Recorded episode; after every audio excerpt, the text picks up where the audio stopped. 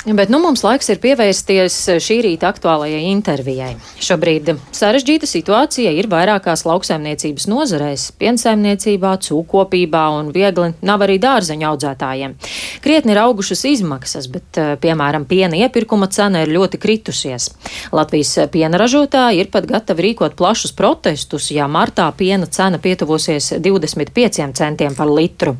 Zemkopības ministrs šodien tiekas ar Latvijas lielāko pārtikas tirzniecību tirzniecības ķēžu pārstāvjiem, lai runātu par nepamatoto cenu sadārdzinājumu vietējai pārtikai. Un šorīt zemkopības ministru Dīdzi Šmitu no apvienotā saraksta esam aicinājuši arī studijā. Labrīt! Labrīt! Kādi tad ir jūsu un ministrijas plāni vai ir iespēja kā palīdzēt lauksaimniekiem? Nu, pirmais galvenais, kas mums ir jāizdara, tas arī 8. martā notiks, mums ir jāpieņem šī gada budžets.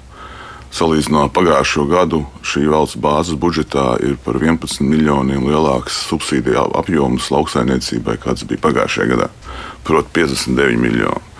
Un tas, ko mēs varam izdarīt ātri, šeit pat Latvijā, negaidot kādas Eiropas komisijas lēmumus, ir šo papildus finansējumu, kas ir paredzēts šogad novirzīt tai nozarē, kas šobrīd ir visvairāk nu, saka, riskā. Tā, protams, ir pienlokopība. Es arī sagaidu no lauksnieku sadarbības padomus lauksnieku organizācijām, ka to es arī lūdzu, lai viņi izvērtē iespējas šo naudu novirzīt šobrīd vairāk lopkopībai. Par cik lielu summu ir runa? Es, es saku, salīdzinot ar pagājušo gadu, tie ir plus 11 miljoni šī gada budžetā, kuri principā būtu novirzāmi tur. Ja. Tas prasa uh, organizācijas saliedētību, tas prasa gatavību pieņemt lēmumus, kā saka, iet krīzes, krīzē palīdzīgā konkrētai nozarei. Bet, nu, ja šī vienošanās nav, tad, protams, uh, valdība un ministrija patur iespēju arī kā saka, pieņemt pašu savus attiecīgus lēmumus. Bet nu, ir grūtāk un vieglāk atsevišķos, varbūt apakšnodarbēs, bet nu, jūs atbalstu sniegsiet kaut kādiem vieniem Nobel, kas saskries tad visi, un tad, kur tad meklēt? Es, naudu? es saku, tas ir, tas ir šī gada budžeta ietvaros. Es, ne, es noteikti ne, ne, netaisos šajā mirklī prasīt kaut kādu ārkārtas finansējumu, jo jūs pareizi pateicāt, šī kalniņu cenu uh, ir faktiski visās nozarēs, pat arī ārpus lauksaimniecības. Tas ir meža nozarē, tas ir būvniecībā, tas ir pilnīgi visur. Karš Ukrainā radījis šo nestabilitāti, kas vienā brīdī uzzina cenas ļoti augstu. Tagad šīs cenas krīt. Ļoti daudz ir saražojuši produkciju pie ļoti augstas cenas savā laikā, un tagad nespējam viņu realizēt, tāpēc ir šī pārprodukcija. Jā, kaut kad jau šī situācija iztaisnosies, protams, jā, bet, protams, ka mums ir jāsako līdz tam. Neviens šodien nevar pateikt, vai cenu kritums piena nozarē ir mēneša parādība, divi vai trīs. Ja, ja tā ir mēneša vai pat divu mēnešu parādība, tā tiks pārdzīvota. Šāds, šādi notikumi lauksnes nozarē notiek ar regulātāti piecos gados reizi. Ja. Ja šī krīze ilgs, mums, protams, jārūpējas par to, ka mums ir pietiekami piena resursi mūsu pārstrādē un attiecīgi eksportam, tad, būs, tad būs ārkārtas lēmumi. Ja. Es vienkārši gribu pateikt, ka vienkārši ilustrējot ainu, šobrīd šis cenu kritums ir Mums esam 16. februārī, nu, divas nedēļas un divas dienas. Tāpat laikā pagājušā gada beigās piena, ražot, piena cena bija sasniegusi Latvijas visu laiku rekordu. Viņa bija 50 centi un vairāk. Tagad ir kritums. Ja. Nu, nav tā, ka mēs nevaram pārlaist mēnesi divus. Ja. Protams, Bet vai jūs varat kaut kā jāstās. ietekmēt šīs iepirkuma, piena iepirkuma cenas, jo jums ir lūgts vismaz līdz Lietuvas līmenim panākt? Vai Esiet? Te ir, to arī ir jāgrib. Un atkal, var jau, protams, valdība iet voluntāri, bet, manuprāt, pareizi ir, ka mēs saprotam to ķēdi. Un, uh, tas veiksmes stāsts ir maksimāli pārstrādāt produktu eksports. Ja mums būs eksporta spējīgi uzņēmumi, kas spēj produktu pārdot ārpus Latvijas, tas nodrošinās visu ķēdi uz leju līdz piena ražotājiem.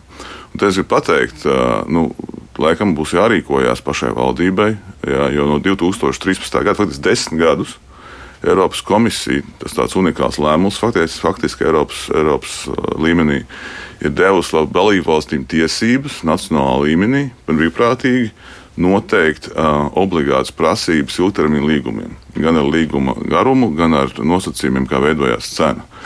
Ja, uh, līdz šim gan piena pārstrāde, gan piena ražotāji no šī ir totāli atteikušies. Viņi gribējuši, kā saka, šīs ātras svārstīgās cenas, jo nu, visi grib nopelnīt vairāk, tad, kad cena ir augsta.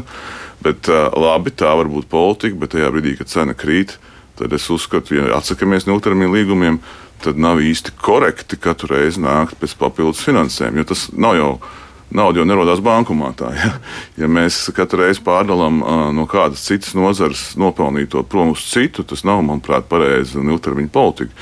Tāpēc, ja, protams, ka šī ilgtermiņa līguma saka, ir jāsagatavo ministra kabineta lēmumu par šo. Tas nav rīt uz brokastīm. Ja? Bet, ja mēs skatāmies ilgtermiņā, lai mēs nenokļūtu vēlreiz tādā pašā situācijā, kādā esam šodien, es domāju, tas ir izcinājums. Nu, tā, tā, tas ir virziens, kādā strādāt, bet jau arī kolēģiem kruspunktā teicāt pirms dažām dienām, ka tiksieties ar mazumtirgotājiem šodien un runāsiet par uzcenojumu samazināšanas jautājumiem.